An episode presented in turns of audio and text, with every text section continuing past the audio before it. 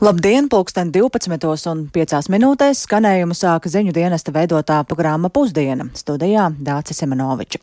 Turpmākajās minūtēs plašāk ielūkosimies šīs dienas piekdienas 6. janvāra notikumos, un šodien mūsu uzmanība vispirms būs vērsta Ukrainas virzienā. Proti plašajai rezonansai, ko raisīja Krievijas prezidenta Vladimira Putina rīkojums no šodienas pusdienlaika līdz rītdienas pusnaktī visā Ukrainas frontē izsludināt uguns pārtraukšanu. Tas it kā darīts atsaucoties uz Krievijas pareisticīgās baznīcas patriārha Kirila aicinājumu izsludināt pamieru pareisticīgo Ziemassvētku laikā.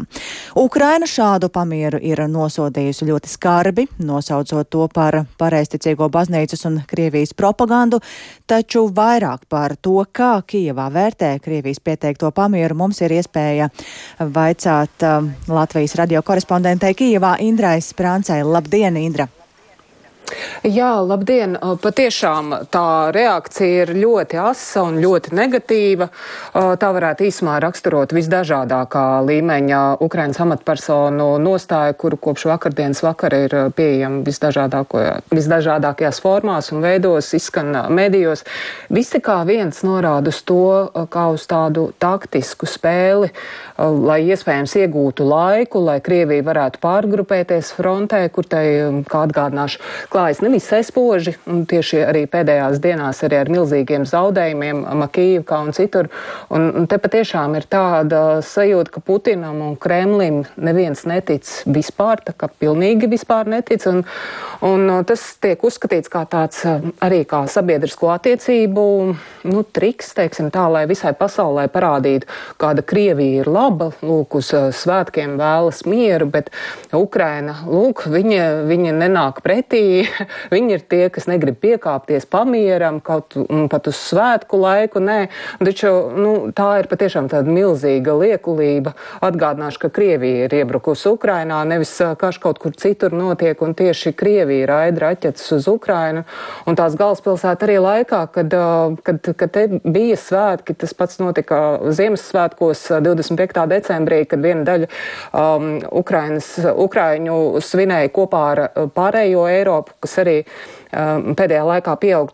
Šo cilvēku skaits, kas uh, vēlas uh, svinēt šajās dienās, nevis uh, kopā ar pareizticīgo baznīcu, Maskavas pareizticīgo baznīcu. Tāpat Krievija veica milzīgu uzlidojumu vecgada pēdējā dienā, um, raidīja raķetes gan pa dzīvojamām mājām, gan infrastruktūras objektiem, cenšoties atstāt miljoniem cilvēku bez gaismas, siltuma un ūdens. Un, Un šajās dienās tieši gada nogalē trāpīja gan dzemdību namu, gan izpostīja daudzas privātu mājas, nogalinot virkni vienkārši civiliedzīvotāju. Un kā un, arī te? Jā. jā. Un kā šobrīd ir situ situācija Kīvā vai joprojām ir gaisa trauksmes? Jā, nu pēdējā gaisa trauksme bija vakardienas vidū, bet uh, tas bija tikai brīdinājums, reāli uzbrukumu nebija. Uh, kopumā ir sajūta, ka kopš gadu mīs, tātad 31. decembra un 1. 1. janvāra uzlidojumiem Krievija atvēl elpu un uh, sajūta ir, ka gatavojas kaut kam jaunam, iespējams lielākam. Uh, Ukraiņas bruņoto spēku pārstāvi jau vairākās intervijās pēdējā laikā ir brīdinājuši, ka iespējams uh, jauns, uh, lielāks uzbrukums Kīvai janvāris, februāris, marts tas ir laiks, kad, kas, kad tas varētu notikt. Un, taču viņi saka, ka viņi arī šādai iespējamībai ir gatavi. Un runājot ar cilvēkiem, šķiet, ka daudzus šis jautājums šobrīd patiešām arī uztrauc, īpaši ģimenes ar bērniem, kas situācijai pasliktinoties atkal varētu doties prom no Kīvas. Bet tāds kopējais noskaņojums ir nepadoties, padzīt okupantus un atgriezt katru kvadrātmetru Ukrainas zemes, jo, kā viņi paši saka, viņi ir noguruši no tā, ka Krievija viņiem neļauj dzīvot un nekāda piekāpšanās to nerisinās. Un uh, šis karš Ukrainā notiek jau kopš 2014. Uh, gada un, kā redzams, paliek tikai sliktāk, tāpēc tam beidzot būtu jāpieliek punkts. Patriecot viņus no Ukrainas. Es šorīt arī uh, nointervēju dažus Kīivas iedzīvotājus, vaicājot, ko viņi domā par uh, šo te Putina piedāvāto pamieru, un pilnīgi viss kā viens norādīja, netic nevienam pašam šī cilvēku vārdam. Paklausīsimies atbildes. Я думаю, что это просто провокация. Es domāju, ka tā vienkārši ir provokācija, lai parādītu, ka mēs no jauna uzbrūkam. Viņi ir uztaisījuši pamieru. Īsāk sakot, es neticu.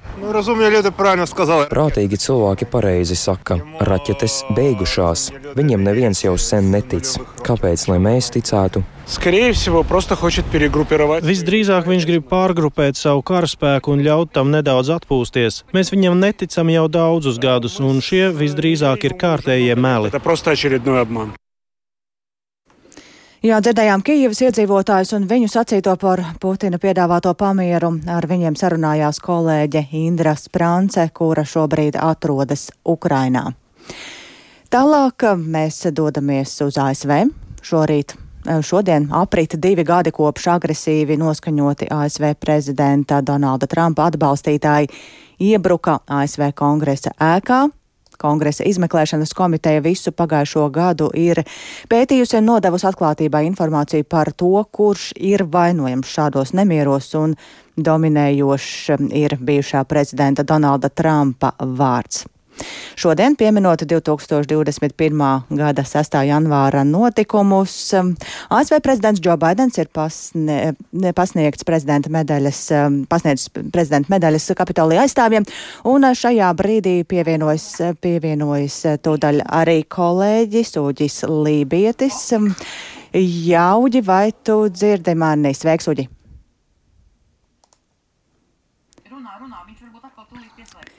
Jā, tūdaļ arī mums vajadzētu sazināties ar Uģi Lībieti, kurš tad arī varētu mums atgādināt, kas īsti notika pirms diviem gadiem, 6. janvārī, un kā šie notikumi Vašingtonā tiks pieminēti šodien. Jā, Uģis, sveiks! Jā, sveicināti, atvainojos par tehnisko problēmu. Jā, pirms diviem gadiem notikušais iebrukums ASV kongresa ēkā tiek uzskatīts par vienu no Savienoto valstu vēsturē nozīmīgākajiem uzbrukumiem demokrātijai, un toreiz atsaucoties prezidenta Donalda Trumpa aicinājumiem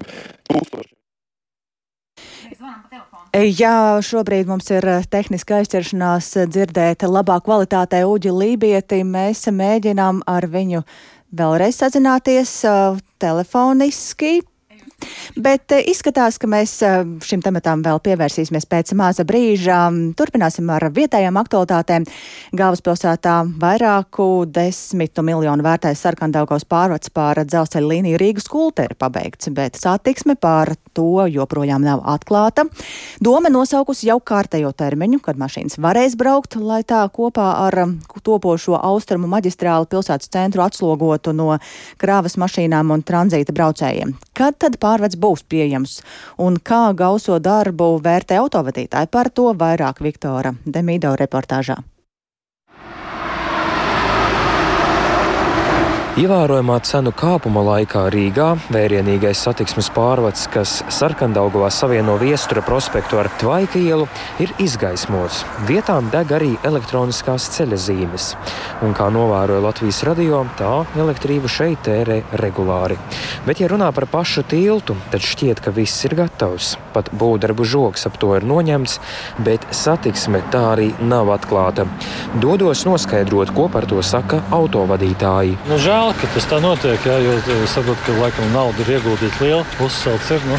Bet, nu, ja tur kaut kas nav pareizi, tad varbūt labāk ir līdz galam izdarīt pareizi, nu, nu, lai nerastos pēc tam liekas problēmas. Mēs katru dienu braucam šeit uz darbu un uh, gaidām, kad būs vaļā. Kad būs gatavs, tad būs gatavs. Nav neko mainījis man līdz šim. Tas, ka nav bijis, būs atvērts, brauksim. Tā ik pa laikam domājam, jā, kāpēc nav atvērts tik ilgi. Reāli viss ir kā gatavs, bet te pašā laikā nav iespējams braukt. Protams, ka sagādā grūtības. Nevajadzēja slēgt satiksmi sarkandaugos pārvadā. Nu, attaisiet vienu, nu, pabeidziet, un tad slēdziet satiksmi. Jo sanāk, ka tieši smagais transports pa Dunkas ielu nevar braukt uz sarkandaugavu. Pat vaika ielu tā ir katastrofa. Un kā pārvada atklāšana mainīs jūsu ikdienas pārvietošanos? Nu, ar vieglo transportu nē, bet ar tīri darba izteiksmē nu, tas būtu daudz vienkārši ērtāk. Noteikti izmantošu, ja, ja man iznāk tajā virzienā braukt. Brauktu noteikti vai nu pa vienu vai pa otru, jo tad sanāk, ka pārbaudto nebūtu noslogota. Minūtes 15 vēlāk varētu izbraukt no mājām.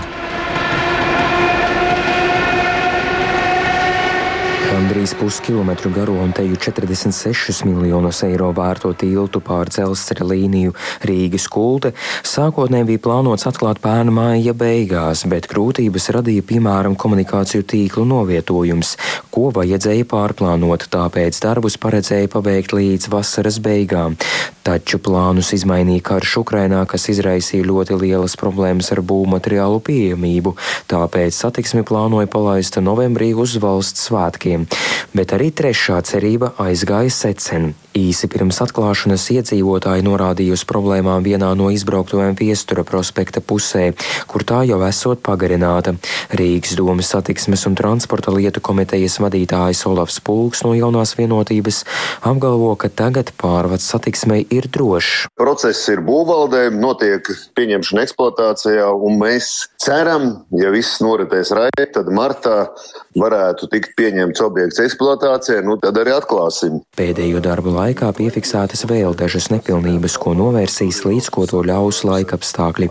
Andzīs Pulks uzsverot, ka tās visdrīzāk tilta atklāšanu neietekmēs. Nu, apmēram 80 tūkstošu vērtībā šie darbi, kas vēl jāveic gan ar apzaļumošanu, gan arī dažās vietās tādu segumu, tur var būt uzlabojumi ārpus trases, es domāju. Kāpēc diennakts tumšajā laikā uz pārvadē deg gaisma? Rīgas gaisma testē un pārbauda to, vai, vai viss ir kārtībā, jo Rīgas gaisma arī ir viena no institūcijām, kuriem jādod atzinums.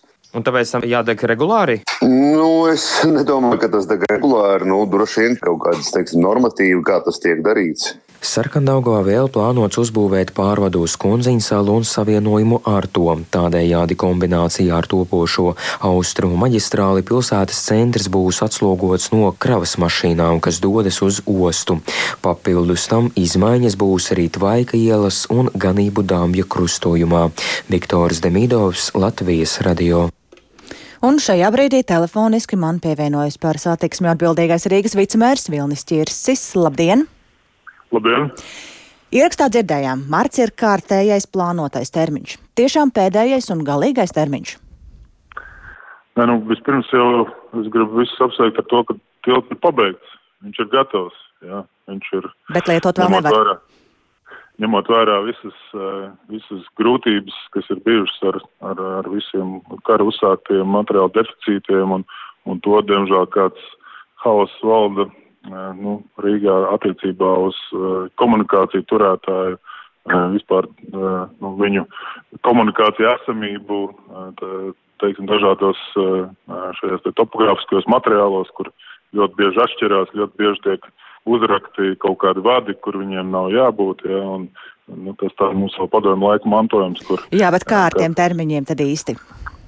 Nu, ar termiņiem tātad tilts ir, tilts, kā jūs minējāt, ir pabeigts. Tā, tā problēma ir tāda, ka uh, bija vienošanās ar būvnieku, un tas ir labas gribas žests būtu no viņa puses, kad uh, tiltu jau viņš atļaut lietot uh, starposmā starp tiltu pabeigšanu un nodošanu eksploatācijā. Ja tiltu, ka pabeidz, tad vēl ir kaut kāds laiks, kamēr tiek veikti dažādi uzmērījumi, tiek saņemti atzinumi no tās pašas, nezinu, Rīgas gaismas un citiem komunikāciju turētājiem. Uh, un tad tiltu var oficiāli lietot, viņš tiek pār, pārņemts pasūtītāja rīcībā.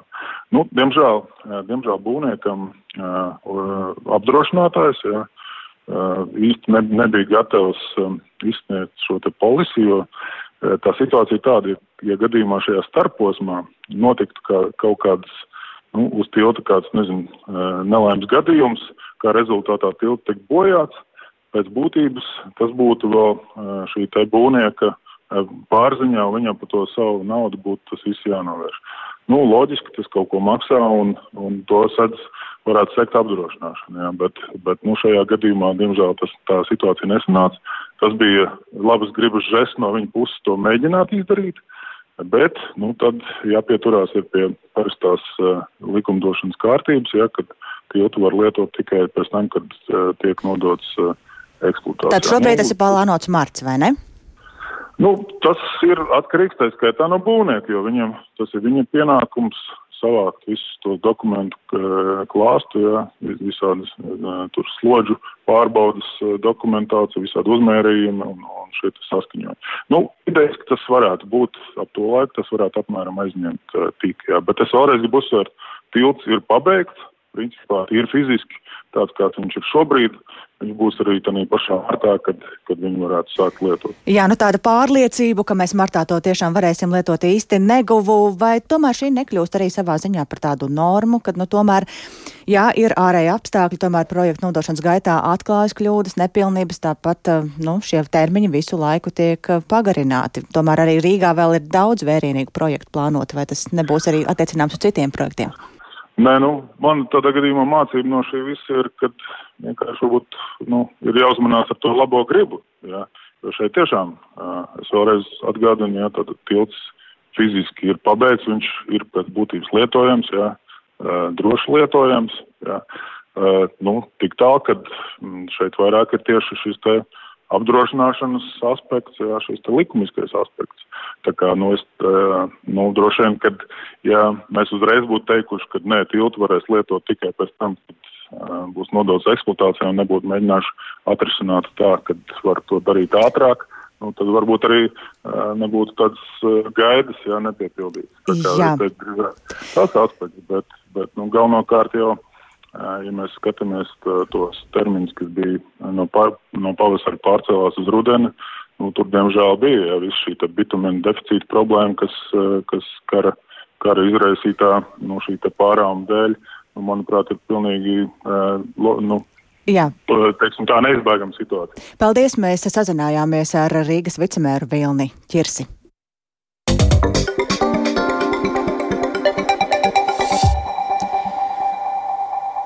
Un kopš decembra Latvijā pieauga saslimstība ar augšējo elpceļu slimībām, tostarp arī gripu, taču pēdējās dienās kāpums ir palēninājies. Tas ir ģimenes ārstu asociācijas prezidentes Sarmītas Veides vērtējumā, un viņa Latvijas radio šorīt teica, ka pat labāk vienlaikus izplatās dažādi augšējo elpceļu vīrusu, un bieži vien dažādām saslimšanām ir ļoti līdzīgi simptomi, bet gripa atšķiras ar to, ka tā ir raksturīgi ļoti strauji sākums. Un arī bērni šajā laikā slimo vairāk. Īpaši no 5 līdz 14 gadiem bērnu saslimstība ir daudz augstāka. Bija vairāk uh, pirms Ziemassvētkiem, Eh, jāsaka, tagad sākoties brīvlaikam pēc Ziemassvētkiem, arī saslimstība ir samazinājusies nedaudz. Cik aktīvi cilvēki vispār vakcinējas pret gripu un vai vispār šīs vakcīnas šobrīd pietiek visiem? Vakcināciju pret gripu mēs jau sākām septembris, oktobris, novembris. Tie bija tie aktīvākie mēneši, kur pamatā pacienti ar kroniskām slimībām un seniori tika aicināti kā arī bērni līdz diviem gadiem vakcinēti. Nu, tagad vakcīnas praktiski var teikt, ka gandrīz nav. Ir dažas vietas Latvijā, pamatā lielajos veselības centros, dažās arī ģimenes ārstu praksēs jau vēl ir, bet, nu, vakcīnas ir stipri maz. Un eh, vai ir vēl vērts vakcinēties, ja atrod vakcīnu un nav paspējuši to izdarīt? Jā, protams, ir vērts un jāvakcinējās.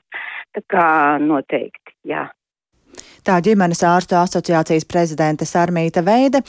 Taču kā ir ar izsaukumiem neatliekamās medicīniskās palīdzības dienestam, to pirms brīža vaicāja dienesta direktora vietniecē neatliekamās medicīniskās palīdzības jautājumos Mārai Dīriņai. Paklausīsimies viņas sacītajā.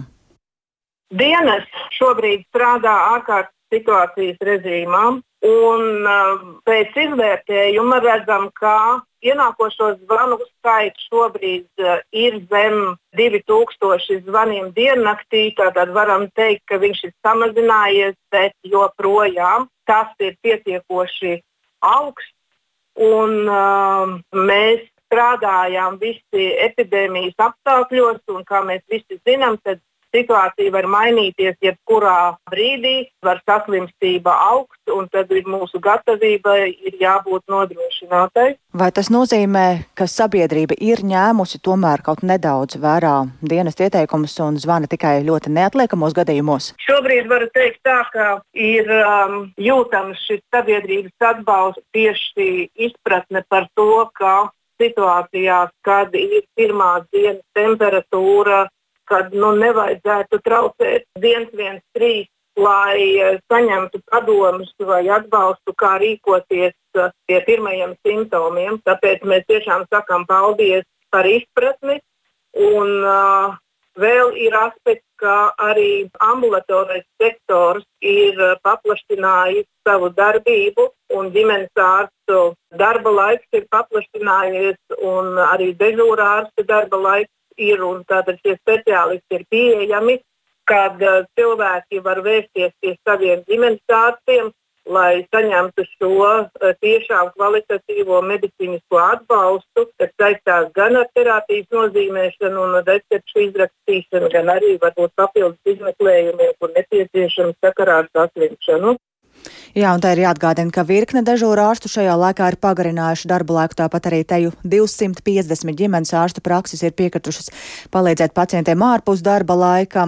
Palīdzība pieejama arī telefonu konsultācijās, un nekur nav pazudis arī ģimenes ārstu konsultatīvais tālrunis. Tas viss situācijās, kas nav neatliekamas.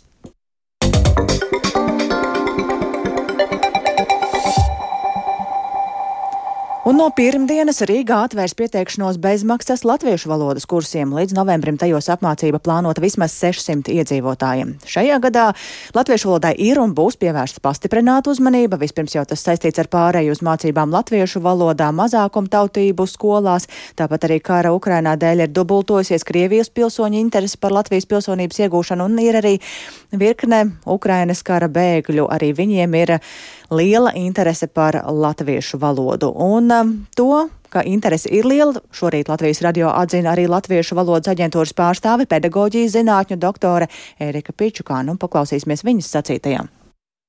Interese ļoti liela. Gan pedagoģu, gan vienkārši to cilvēku, kuri vēlas mācīties. Mēs smējamies, mums darbā pirms jaunā gada Latviešu valodas aģentūrā stāvēja rinda pēc mācību grāmatā, un skaidrs, ka man bija interese, kāpēc pēkšņi no rinda mums tā nav bijis. Tā es skatījos, ka jā, vienīgais, ka tur cilvēkiem gan bija jāmaksā. Ļoti daudz kursu ir par naudu. Bet es gribētu pateikt, ka jau no 97. gada pedagogiem bija iespēja mācīties bezmaksas kursos, kuri tika finansēti no Latviešu valodas aģentūras. Un arī trīs gadus pedagogiem tagad atkal bija pieejami kursi profesionālajām vajadzībām, 120 stundu kursi.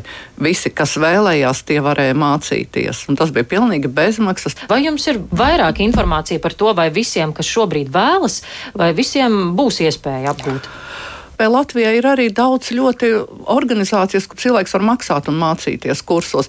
Nu, cik 30 gadus mēs mācām bez maksas? Ja? Nu, var jau arī tomēr iet uz kursiem, kur ir jāmaksā. Jā, es nerunāju tagad varbūt par bēgļiem un patvērumu meklētājiem, kuriem nav tās naudas, bet nu, man liekas, ļoti plašs piedāvājums.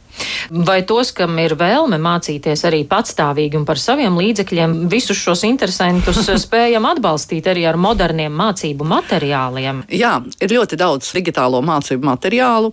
Nu, piemēram, pedagogiem Latviešu valodas aģentūrā ir izstrādāts pašmācības un pašvērtēšanas rīks, kur arī ir profesionālā leksika.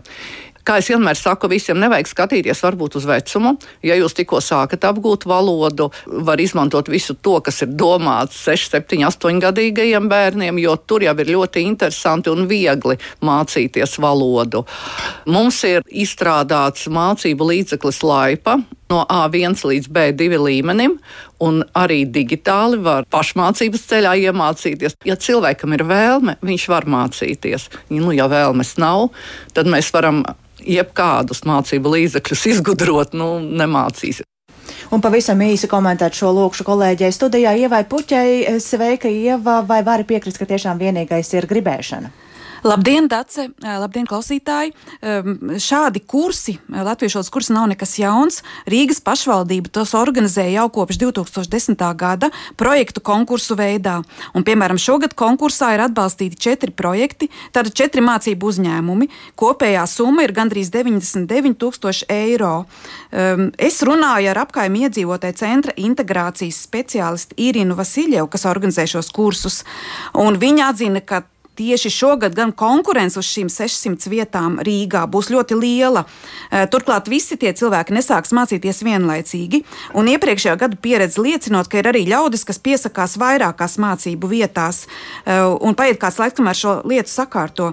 Eh, un tā tad tas indicē tādu problēmu, ka Latvijā nav vienotas datu bāzes šādiem bezmaksas kursiem. Es prasīju, vai ir vienota mm. metodoloģija, jo Jā. tie ir arī integrācijas kursi.